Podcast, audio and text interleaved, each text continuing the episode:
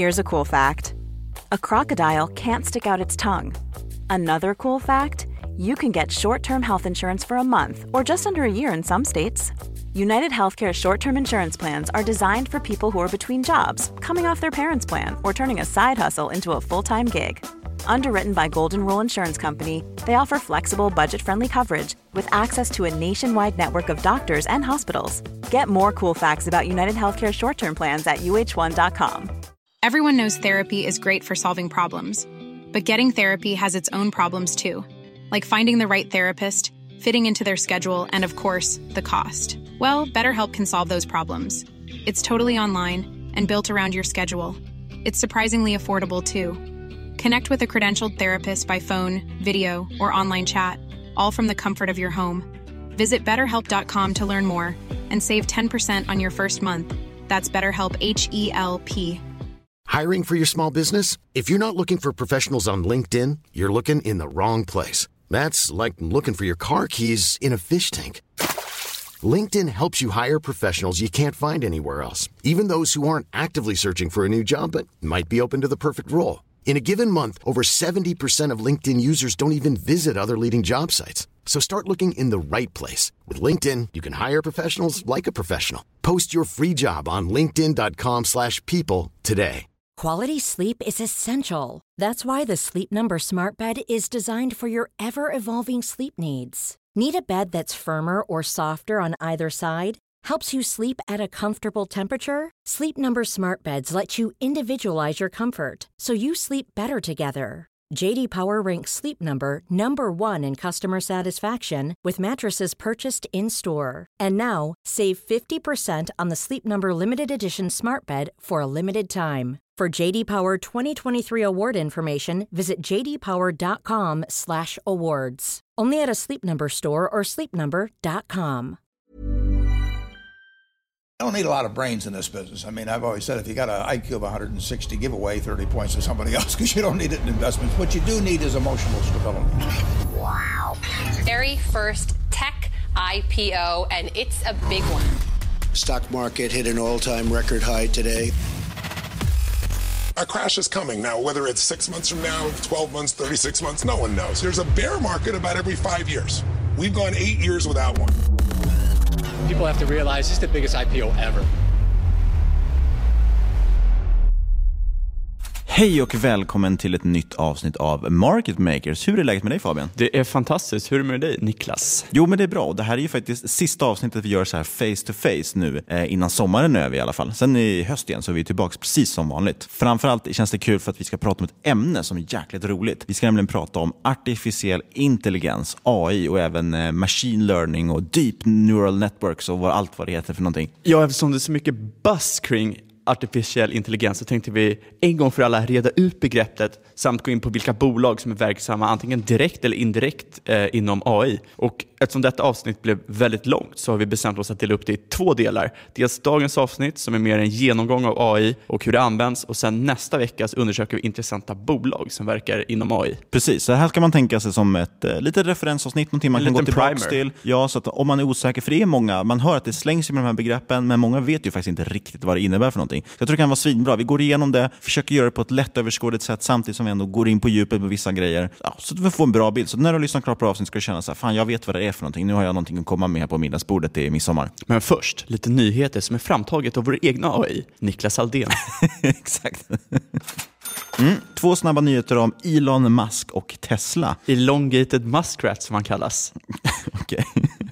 Eh, och det har varit så här, efter en omröstning av Teslas aktieägare så kommer Musk att sitta kvar som ordförande i företaget. Man har alltså pratat lite efter haft en omröstning om det. Det är lite tveksamheter. Han är styrelseordförande. Hans brorsa Kimball sitter ju faktiskt också i styrelsen och är dessutom namngiven som independent board member, vilket är jättemärkligt när man är brorsa med, med Ja, företagsgrundaren. man är rik som fan så att det är väl lugnt. Så är det. Och, eh, ja, det har varit lite bekymmer kring Teslas skakiga finanser. Ja, och det ska också väl nämnas kanske att de andra styrelseledamöterna sitter också kvar efter omröstningen. Och för två år sedan började började Tesla ta emot depositioner på 1000 dollar för nya modell 3 på den amerikanska marknaden. Och nu har det ju kommit fram att nästan en fjärdedel av dessa depositioner har betalats tillbaka och detta är för att Tesla inte kan hålla sin eh, produktionstakt. Precis, drar man en superkort historik så är det så att de hade ju sina lite lyxbilar innan, sen kom modell 3, det var den som skulle göra det till en allemansbil. Liksom. Alla ska ha råd med den, den skulle kosta 35 000 dollar tror jag var det var. Eh, det var dock efter liksom, skatteavdrag och så man får för att det är en elbil. Eh, det har inte sålt en enda Tesla modell 3 för det priset, utan alla ligger liksom runt 50-60 eh, 000 dollar istället. Eh, så de är fortfarande dyra bilar. Och Dessutom har man tagit in depositioner. De, liksom, man fick in jättemycket folk som vill förhandsboka bilen. Man har knappt levererat en enda en. De man har levererat verkar ha varit väldigt många som är trasiga eller problem med. Så att folk har velat ha tillbaka sina depositioner och vill inte ha bilen längre. Så det, är därför, och det är därför också snackas mycket om att eh,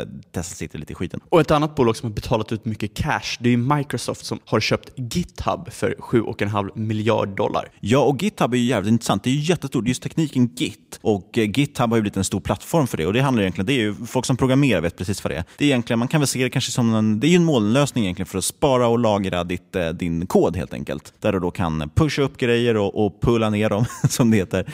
Eh, och eh, Du sparar din kod. Alltså man kan väl se det lite som en dropbox för, eh, för programmeringskod. Och Microsoft var upp 1% på beskedet och tanken med uppköpet, eller en av tankarna i alla fall, att man ska komma närmare utvecklarcommunityn som man var lite back in the day. Och GitHub har ju 27 miljoner användare och jobbar på cirka 80 miljoner projekt på plattformen. Ja, och det har ju gått runt ganska mycket roliga bilder nu. Man har gjort om då GitHub så det ska se ut som någon gammal Windows 98-applikation liksom istället. Och bara wow, det här vart ju bra typ. Men eh, Microsoft har sagt att GitHub de ska få leva vidare liksom ett enskilt liv. Men så småningom kommer det väl inkorporeras lite grann på något sätt.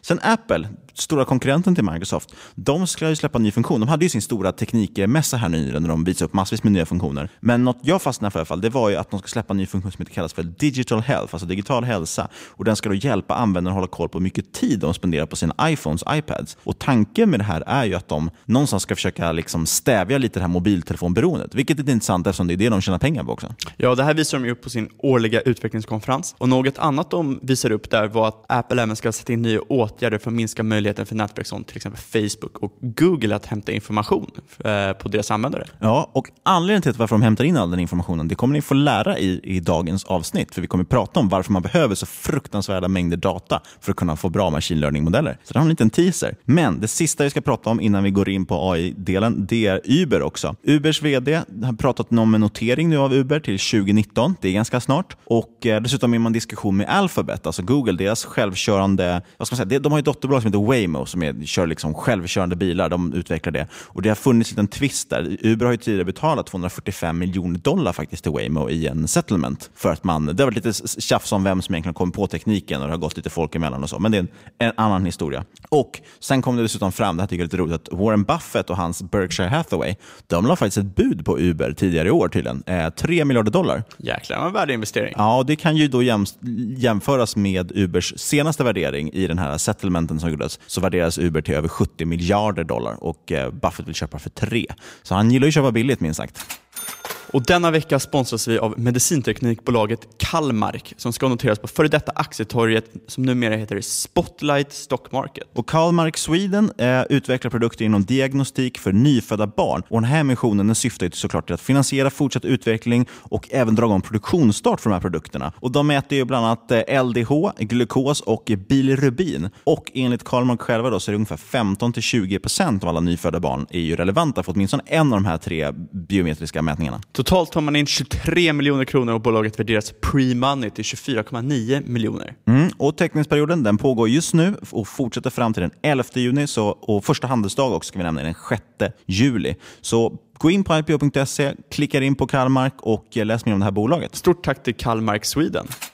Ja, ska vi kicka igång det här avsnittet nu Fabian? Ja, för att dra igång. Man har ju oftast fyra buzzwords kring artificiell intelligens. Man har ju AI, alltså förkortningen för artificiell intelligens. Eh, machine learning. Vi kommer ju även slänga oss med uttryck som maskininlärning. Det är bara den svenska översättningen. Vi kanske även säger ML. Det är ju förkortningen såklart. Kanske, kanske uppenbart, då, men det, det, kan vara bra ändå. Vissa har ju ingen koll alls egentligen på vad AI är för någonting. Så vi, vi kör lite grundligt ändå också. Deep learning är något man hör mycket om och neurala nätverk. Är de här samma sak? Vad är det för skillnad? Det ska vi gå in på idag. Perfekt. Dagens avsnitt. Ska vi börja? Vi börjar från absoluta första början. Vad är AI? Ja, AI är ett generellt begrepp som innebär i stort sett att man vill replikera intelligens i datorer. Precis, man vill helt enkelt eh, kanske stoppa in en fråga eller ge datorn ett mål på något sätt och den ska själv då komma fram till vad som ska göras. Den ska ju liksom reagera på något sätt. Och tidigare när man försökte skapa AI, liksom AI eller AI-system, då byggde man ju, fick man ju bygga dem från grund. Man försökte hitta någon slags formel som skulle då replikera intelligens, alltså kopiera intelligens egentligen. Eh, tar vi någon särskild uppgift, till exempel säga att den ska spela ett spel, då fick man ju utifrån den här uppgiften bygga väldigt liksom specifika, konkreta regler som datorn behövde följa. Och eh, Det blir väldigt specifikt, och blir väldigt mycket kod och väldigt svårt att göra det här. Det är därför det har varit lite upp och ner med utvecklingen av AI också. Den har stått still ibland i ganska många år. Ja, detta kanske låter lite kruxigt, men om man gått en introkurs eller inte i programmering så har man hört talas om omsats, eller en if-sats som det heter på engelska. Och I stort sett säger denna sats om x gör y. Och Detta ligger till grund till väldigt mycket inom programmeringen. Och Det var ju i stort sett det här AI var från början. Du hade väldigt, väldigt många if-satser. Som man kan dra en jättekort exempel. Vill säga att jag har en, en AI som spelar något spel där man ska skjuta varandra. Och Då skulle en if-sats väldigt förenklat kunna se ut så att om du ser motståndarlaget, skjut motståndarlaget. Och, eh, men, är alltså men, men det blir ju inte särskilt intelligent om man gör på det sättet. Nej, och detta är någonting man vill komma ifrån eftersom det krävs, ja, för det första så är det ju förprogrammerat vad, vad som händer, men för det andra så krävs det väldigt mycket if-satser för att kunna analysera större dataset. Och det gör ju att jag i stort sett skulle kunna skriva flera miljoner if-satser. Och framförallt det som är intressant, och det är här machine learning kommer in som vi ska komma in på vad det är för någonting och vad skillnaden är. Tänk dig själv, det är ju inte rikt- eller det, det debatteras ju mycket om det, vad är egentligen intelligens och sin dator? Det är ju faktiskt, AI är ju ett, ett, ett område som spänner väldigt många fakulteter. Så det är ju filosofi och det är etik och det är det ena och det andra. Det är inte bara liksom programmering. Och det är, så, det är ju jättesvårt. Visst, du kan skriva väldigt specifika regler, men då måste du ju komma på reglerna innan. Då kan du egentligen aldrig få hjälp av en AI att utveckla någonting själv. Och det här börjar bli intressant. Man vill ju ha en, liksom, en, någon form av sann intelligens som själv kan komma på lösningen. Och Vad är då machine learning? Ett mål med artificiell intelligens är att få maskiner att lära sig genom erfarenhet istället för hårdkodade regler. Och En lösning till detta är så kallad machine learning. Ja, och machine learning-algoritmer då, alltså algoritmer det är väl bara ett enkelt ord för modeller eller ett tillvägagångssätt. Eh, då använder man olika metoder egentligen för att lära sig från informationen. Så man har jättestora datamängder. Det kommer många säkert ihåg att det var mycket bass kring big data för några år sedan.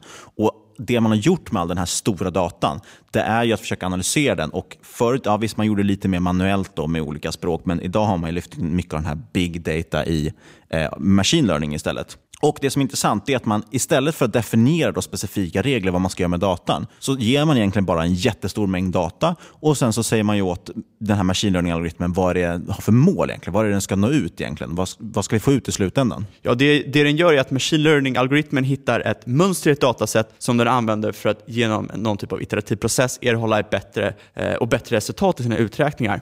Så att det som en, en sak som är viktig att förstå är att machine learning är en undergren till AI och det finns många olika typer av algoritmer som faller inom ramen av machine learning. Precis, så att vi kan klargöra det väldigt tydligt. Säger vi machine learning, då pratar vi om AI. Säger vi AI pratar vi inte nödvändigtvis om machine learning.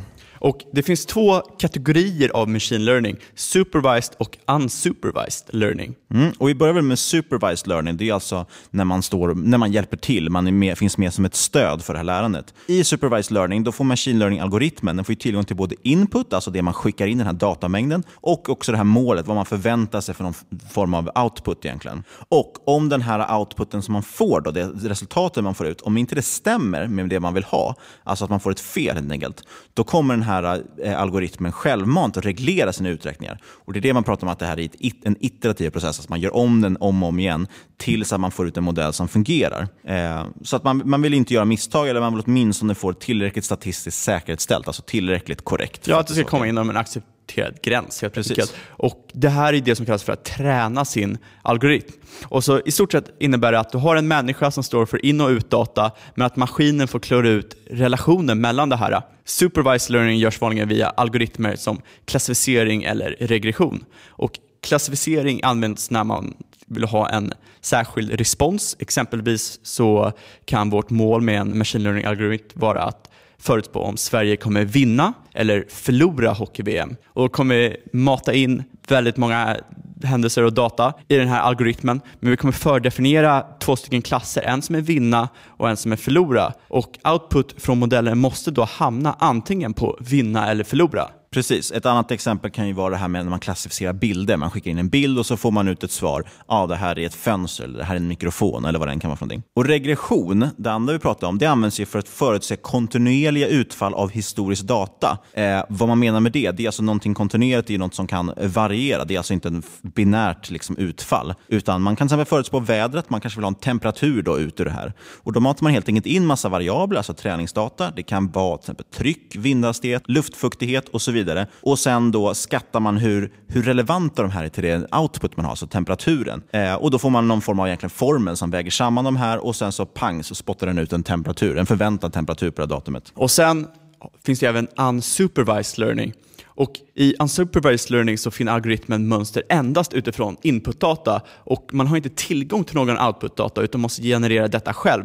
Och Detta är användbart om man inte riktigt är säker på vad man ska använda ett dataset till eller vad man letar efter. Nu börjar man verkligen komma in på den här svarta lådan, så man inte riktigt har en aning om vad den ska spotta ur sig för någonting. Och man låter egentligen algoritmen skapa logiska kopplingar, eller de här klassifikationerna som vi pratade om innan, alltså olika vad ska man säga, namntaggar på saker eller olika utfall. Så i slutändan då, då kommer man få flera datagrupper, där data i varje grupp liknar varandra, men man skiljer, men skiljer sig egentligen från andra grupper. Ja, vi säger att eh, du har ett gäng eh, bilder på tjejer och killar. Då kanske, om du använder unsupervised learning, att den börjar klassificera efter kanske käkstruktur, eh, storlek på näsa, bredd mellan ögon eh, och liknande. Precis, och i supervised learning då hade man kanske redan i förväg matat in att ah, jag vill veta vad det är för trolighet på kön. Och Då spottar den ut att ah, den här personen tror jag med 69% sannolikhet är en man, den här är med 70% sannolikhet en kvinna. För och, Det är ofta statistik, det är väldigt sällan man får ett 100% svar av machine learning. Så det, och i supervised learning då så hade du haft etiketter redan, att det, den hade ju tränats på att ah, det här är en kille och det står det kille där. Ah, och ett exempel för vad unsupervised learning kan användas till är till exempel beteendeprognoser för e-handelshemsidor. Och då istället för att markera input och output data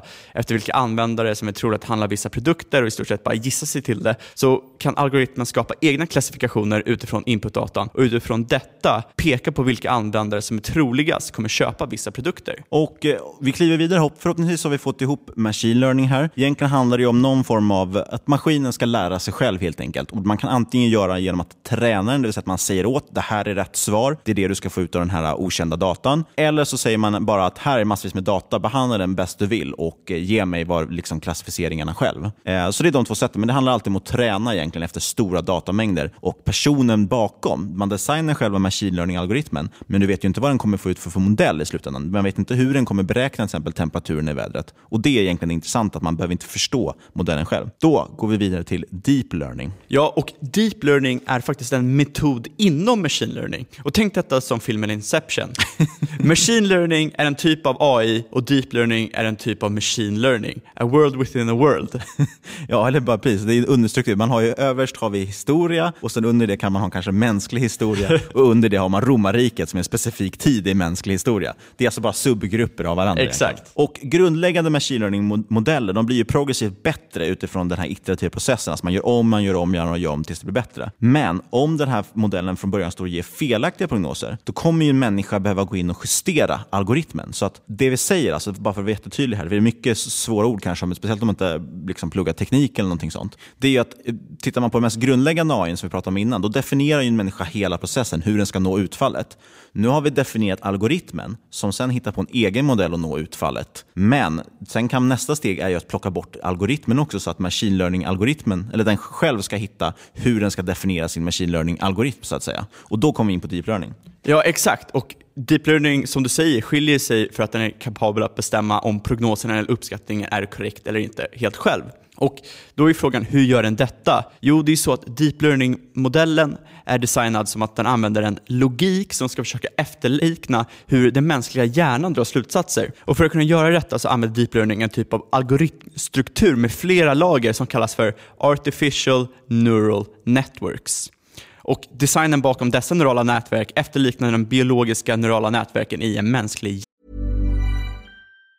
Hej, det är Ryan Reynolds och jag är här med Keith, co-star of my upcoming film If, only in theaters May 17 th Do you want to tell people the big news? All right, I'll do it. Sign up now and you'll get unlimited for $15 a month in six months of Paramount Plus Essential Plan on us. Mintmobile.com slash switch. Upfront payment of $45 equivalent to $15 per month. Unlimited over 40 gigabytes per month. Face lower speeds. Videos at 480p. Active Mint customers by 531.24 get six months of Paramount Plus Essential Plan. Auto renews after six months. Offer ends May 31st, 2024. Separate Paramount Plus registration required. Terms and conditions apply if rated PG. I'm Sandra, and I'm just the professional your small business was looking for. But you didn't hire me because you didn't use LinkedIn jobs. LinkedIn has professionals you can't find anywhere else, including those who aren't actively looking for a new job but might be open to the perfect role, like me. In a given month, over 70% of LinkedIn users don't visit other leading job sites. So if you're not looking on LinkedIn, you'll miss out on great candidates like Sandra. Start hiring professionals like a professional. Post your free job on linkedin.com/people slash people today. A lot can happen in the next three years. Like a chatbot may be your new best friend. But what won't change? Needing health insurance. United Healthcare Tri Term Medical Plans are available for these changing times. Underwritten by Golden Rule Insurance Company, they offer budget friendly, flexible coverage for people who are in between jobs or missed open enrollment. The plans last nearly three years in some states, with access to a nationwide network of doctors and hospitals. So, for whatever tomorrow brings, United Healthcare Tri Term Medical Plans may be for you. Learn more at uh1.com. There's never been a faster or easier way to start your weight loss journey than with PlushCare. PlushCare accepts most insurance plans and gives you online access to board-certified physicians who can prescribe FDA-approved weight loss medications like Wigovi and Zepbound for those who qualify. Take charge of your health and speak with a board-certified physician about a weight loss plan that's right for you. Get started today at plushcare.com slash weight loss. That's plushcare.com slash weight loss. plushcare.com slash weight loss. Everyone knows therapy is great for solving problems, but getting therapy has its own problems too, like finding the right therapist, fitting into their schedule, and of course, the cost. Well, BetterHelp can solve those problems. It's totally online and built around your schedule. It's surprisingly affordable too.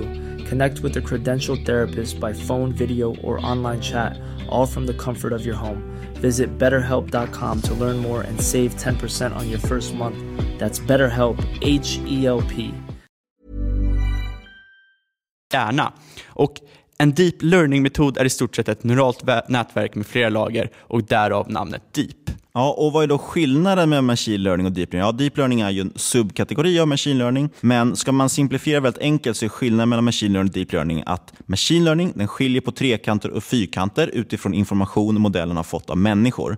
Alltså att fyrkanter de har fyra hörn och trekanterna har tre hörn. Men deep learning, de startar inte med vad som kallas pre-fed information. Den har alltså inte blivit matad med att det finns något som ens är en trekant eller fyrkant. Istället så utgår modellen algoritmen utifrån hur många linjer som finns i bilden, om linjerna är kopplade till varandra, om de är vertikala eller lodräta med mera. Och över tid så kommer algoritmen själv sortera vilka bilder som liknar varandra i olika grupper. Och därefter kommer en trekant inte sorteras in med en fyrkant eftersom de ser helt annorlunda ut. Ja, och då kan det säga sig självt att det här kräver ju uppenbarligen mycket mer datakraft och även mycket större datasätt än de andra metoderna. Eftersom den måste ju lära sig från grunden. Det är ju tänka som ett barn. Det är liksom någon som lär sig verkligen från noll. Den har ingenting in egentligen. Man har bara strukturen på hjärnan, när man ska säga, de här neurala nätverken. Okej, men Niklas, då ställer jag dig frågan, varför är det här ens intressant? Det borde vi ju ha svarat på innan vi började prata om det kanske. Förhoppningsvis har man lyssnat så långt, trots att man tyckte att det var helt ointressant. Jo, men anledningen till att det var så intressant är för att det här är någonting som håller på att krypa in precis överallt. Och AI är så, kommer bli så otroligt... Liksom, det, vi har ju det redan överallt. De flesta tittar kanske på Netflix, lyssnar på Spotify, använder Google. Alltså, vi har ju verkligen redan machine learning runt oss hela tiden. Det har kommit otroligt långt. Och man kan, jag har faktiskt en ganska bra uppdelning tycker jag, av de tre olika utvecklingsfaserna inom machine learning eller AI. Och eh, Det första steget ja, det var att man började låta machine learning ge rekommendationer. Alltså, ja, till exempel Netflix då, som jag nämnde, eller Spotify, alltså, där man rekommenderar ja, vi tror att den här låten den påminner om den här som du gillar, alltså borde du gilla den här med ungefär 30% eller 50% sannolikhet och så vidare. Där tog man ju väldigt låg risk. Det är in, ingenting som kan gå fel. Det värsta som kan hända ja, det var att du inte gillade den filmen. Men det fanns en ganska bra uppsida då. Det var ju skönt att kunna hitta de här grejerna och vi kan hjälpas åt med det. Och det framförallt tänk e-handel också, där man kan rekommendera produkter och som är liknande. Andra steg steget, och det är där vi börjar komma mer och mer nu, som är lite läskigare att kliva in på, det är ju när machine learning börjar ta över människors arbete. Bra exempel från samma, samma intervju som de här tre fas, tog de här tre faserna från var ju till exempel ett eh, bolag som jobbade hjälpte försäkringsbolag. Där de då skickar in, de skickar in bilder, man skickar in bild på sin bil när man har kvaddat den. Försäkringsbolaget ska då avgöra om bilen ska ersättas eller lagas. Och Det här har ju människor gjort förut. Och Då kunde man träna egentligen bara en, en, en AI eller machine learning-algoritm till att själv avgöra det här. Och eh, Det är lite som med självskanningen typ på ICA eller City Gross eller någonting. Att de gör ju ibland en, en, kontroll på om du faktiskt har skannat rätt. Och Det är ungefär samma här. Man lät den här machine learning-algoritmen försöka klassificera de här bilderna. Vilka är reparerbara, vilka ska helt demoleras och ersättas. Och eh, Så kanske man först kontrollerar var tionde bild och ser att ah, men den verkar vara på rätt spår. När den inte var det så korrigerar man så att ah, men du hade fel här. Och Så blir den hela tiden smartare. Så Sen börjar den göra rätt hela tiden. Och då kollar man kanske var hundrade. Sen kan man öka till var tusende. Och Sen så fortsätter det så. Till slut är den ju helt självgående. Och Det steget är vi väldigt mycket på idag. Där vi sakta men säkert börjar låta machine learning-algoritmer ta över de jobb som människor har gjort.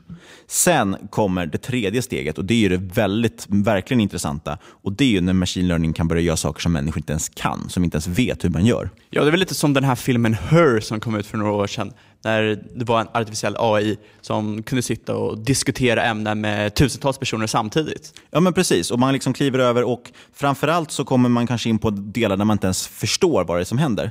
Och jag kan bara nämna snabbt, jag ska gå tillbaka till steg två igen, saker som den tar över. Jag vill nämna några exempel där. Till exempel har vi AI då som genererar sportreferat på matcher. Det finns ju hemsidor som bara genererar sportreferat. AI har skrivit det. Eh, det finns till och med nyhetsreportage finns det, där den kan generera efter, för att den kan ju läsa då alla artiklar som finns egentligen nästan i hela världen och då generera liknande. Eh, och vi har också AI till exempel som hittar tumörer, röntgenbilder bättre än de bästa läkarna i världen. Och eh, så har vi även kommit långt i självkörande bilar, något vi har pratat väldigt mycket om.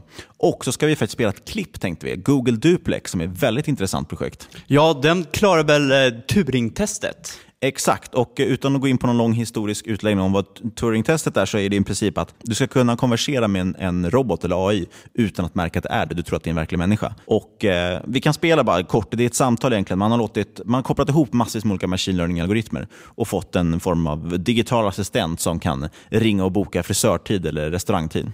Vi har pratat om det här klippet förut. So how can I help you? Hi, I'm calling to book a women's haircut for a client. Um, I'm looking for something on May 3rd. Sure, give me one second. Mm-hmm.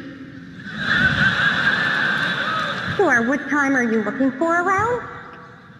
At 12 p.m.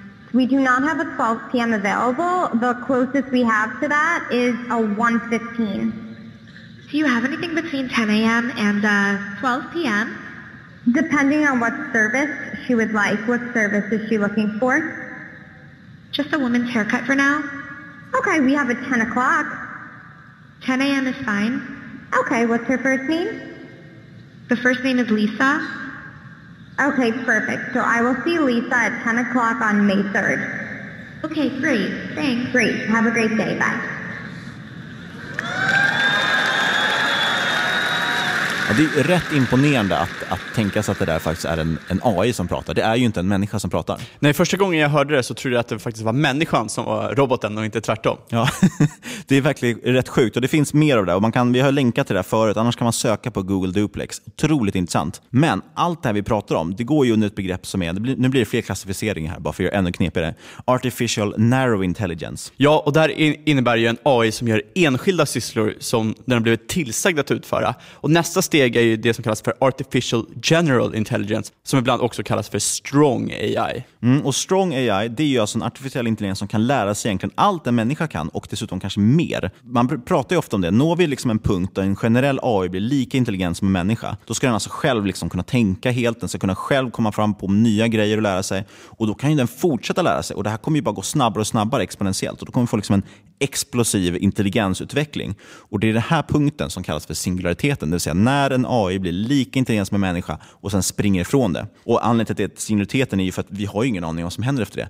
Vi kan inte fatta. Det är bara ett exempel man kan dra upp ibland. Det är det här med, tänk dig en myra eller en mus eller någonting som av misstag råkar uppfinna en människa. Den har ingen aning om vad vi skulle kunna tänka eller göra liksom, för att vi ligger som hästlängder före den. Och Det här skulle bli samma sak. Vi skulle aldrig fatta.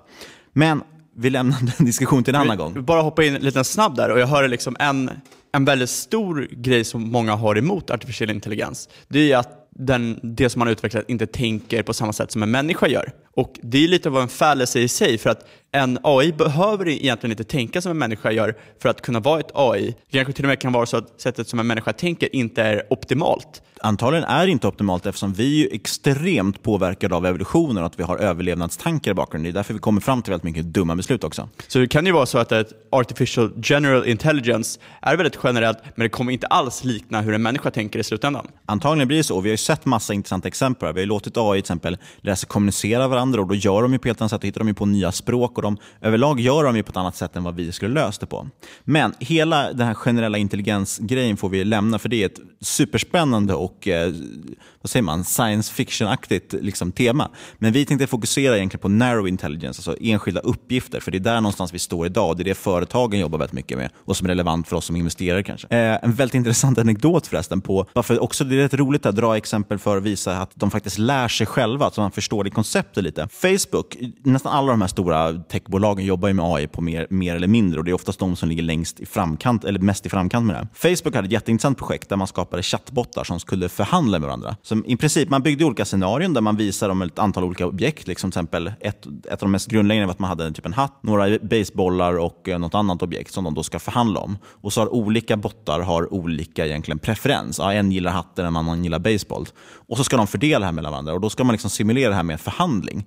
Hur ska en AI egentligen kunna förhandla och nå ett, ett gemensamt mål så att alla blir nöjda? Och Bara det i sig är ett superintressant ämne. Men ett rolig upptäckt man har upptäckt också, det var ju att de började ljuga för varandra. Så till exempel kunde en chatbot säga att ah, men jag skulle jättegärna vilja ha den där hatten, men du kan få den så länge jag får en baseball. Så det lät som att man gjorde en uppoffring. Men egentligen ville den inte ens ha hatten. Men den kom på att om jag ljuger och säger att jag jättegärna vill ha hatten, då tror den andra botten att den gör värsta vinsten genom att få den. Men jag har också sett något liknande när man har ställt ut till exempel eh, vissa punkter som roboten ska röra sig till, där en kanske är mat och de andra är gift. Och Då har ju robotarna lärt sig att ah, det här är mat. Eh, så har den gått över till giften ungefär som att ah, här är maten och lurat över andra, andra robotar att käka av giftet så att mm. de eh, dör, eller man ska säga. Och Det är det här som är så intressant, att vi vet ju inte vad, vilka resultat vi kommer få när vi kör med machine learning-algoritmer. Det som är så otroligt spännande med det. För att vi måste kanske bara in någon utdata eller något resultat vi vill ha. Och de hittar, Det är därför de då hittar helt nya modeller för saker. Ett annat jättekänt exempel, många applicerar ju eh, machine learning på att försöka förutspå just aktiemarknaden, hur det ska röra sig. Man matar in kanske massvis med finansiell data, aktiekurser och så vidare och så ska den då försöka hitta fram en modell egentligen som genererar pengar. Eh, och Det här är också något som är jätteintressant. Liksom. Vi vet inte vilka modellen kommer komma fram till.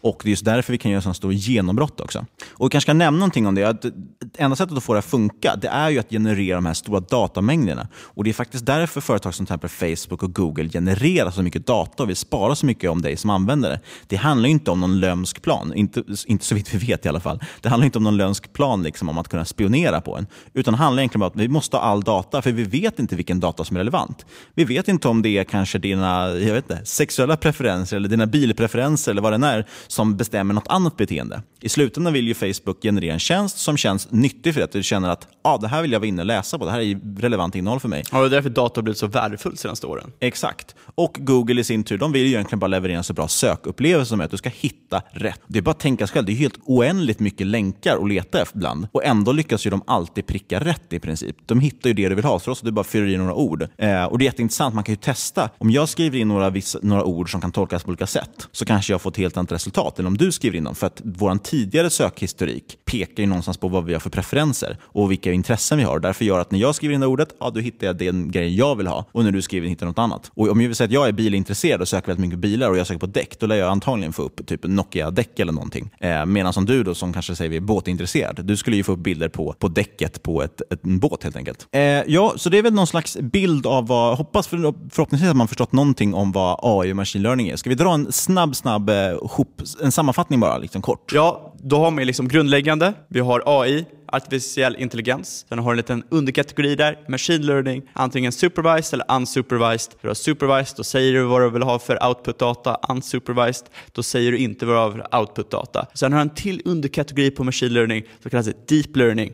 Och skillnaden mellan machine learning och deep learning är att du behöver inte ange vad du vill få ut av det här eh, datasättet du ger, utan deep learning lär sig själv. Och det är kanske det här som folk faktiskt tänker på eh, vad AI är. Och när de har den här sci-fi-bilden, då är det kanske deep learning. Tänker att det är någon typ av, vad är det heter i Terminator? Skynet. Skynet, exakt. Det kanske har liksom lite Skynet-kopplingar där. Och det här bygger ju på det som kallas neurala nätverk utifrån hur hjärnan fungerar. Sista grejen vi tar innan vi avslutar avsnittet, det är att vi ska dra igenom, vi ställde ju några frågor, vi ställde en fråga på Twitter egentligen, så här, skicka in era frågor, eh, bad vi er lyssnare göra det. Och eh, vi kanske ska dra någonting. Vi har eh, at Gaming Felix, han tyckte det var viktigt att poängtera att AI bara är algoritmer som lär sig från historisk data. Det har vi pratat om. Och eh, sen varit en diskussion om det här med just att så här, historisk data eller inte, ja men Jag man skulle- kan ju också generera datan. Jag skulle också vilja poängtera att ja, människan lär sig också av historisk data. Ja, precis. Och det är det man vill efterlikna med både machine learning och deep learning. Jätteintressant exempel förresten som vi har glömt att nämna. De här självspelande eh, algoritmerna som man skickar in i ett spel.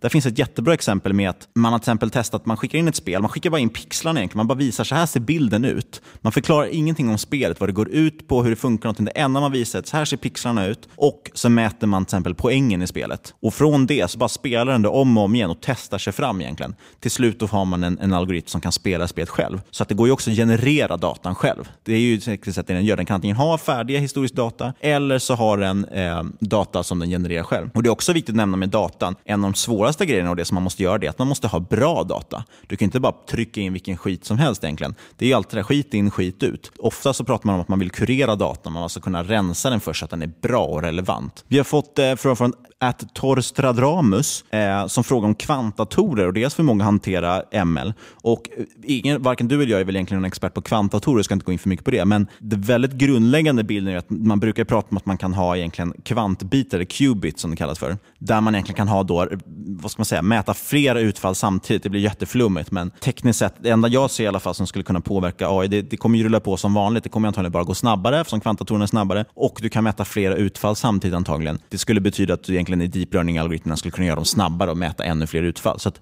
egentligen påverkar det inte på något större sätt än att man kanske då kan göra bättre algoritmer och göra dem snabbare. Eh, sen finns det med med kvantdatorer finns det väldigt mycket intressant att koppla till kryptografi, men det är ju ett helt annat avsnitt i sånt fall. Sen är det väldigt mycket bolagsspecifika frågor. De ska vi inte gå in på nu. De kan vi skicka vidare till nästa vecka. Vi kan ju försöka avsluta, runda upp med en snabb liten framtidsspaning. Att brandtalet undrar hur AI och ML kommer påverka oss inom tidsramarna 1, 3 och 10 år. Vad säger du om det Fabian?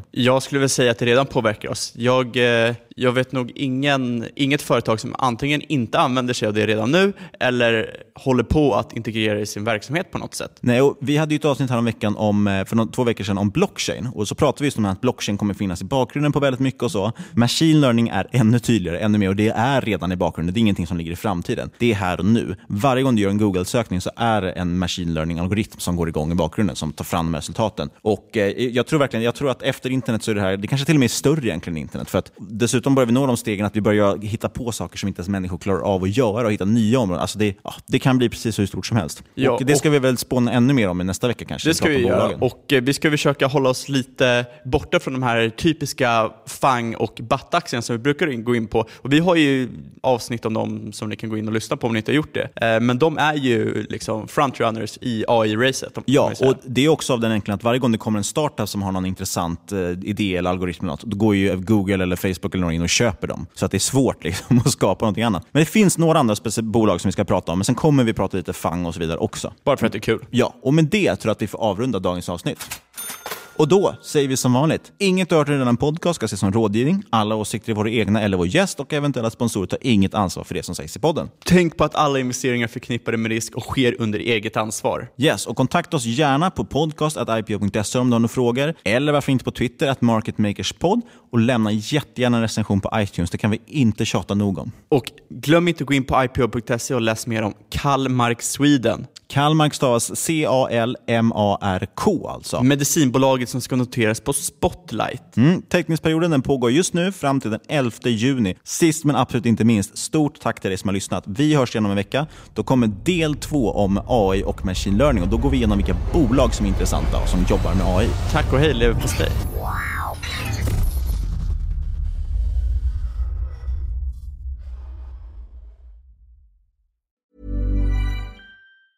Mom deserves the best, and there's no better place to shop for Mother's Day than Whole Foods Market. They're your destination for unbeatable savings, from premium gifts to show-stopping flowers and irresistible desserts. Start by saving 33% with Prime on all body care and candles. Then get a 15-stem bunch of tulips for just $9.99 each with Prime. Round out Mom's menu with festive rosé, irresistible berry chantilly cake, and more special treats. Come celebrate Mother's Day at Whole Foods Market.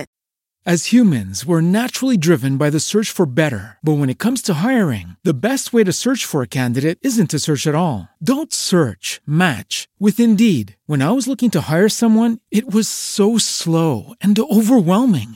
I wish I had used Indeed. If you need to hire, you need Indeed. Indeed is your matching and hiring platform with over 350 million global monthly visitors, according to Indeed data, and a matching engine that helps you find quality candidates fast. Ditch the busy work. Use Indeed for scheduling, screening, and messaging so you can connect with candidates faster. And Indeed doesn't just help you hire faster. 93% of employers agree Indeed delivers the highest quality matches compared to other job sites, according to a recent Indeed survey. And listeners of this show will get a $75 sponsored job credit to get your jobs more visibility at Indeed.com slash podcast. That's Indeed.com slash podcast. Terms and conditions apply.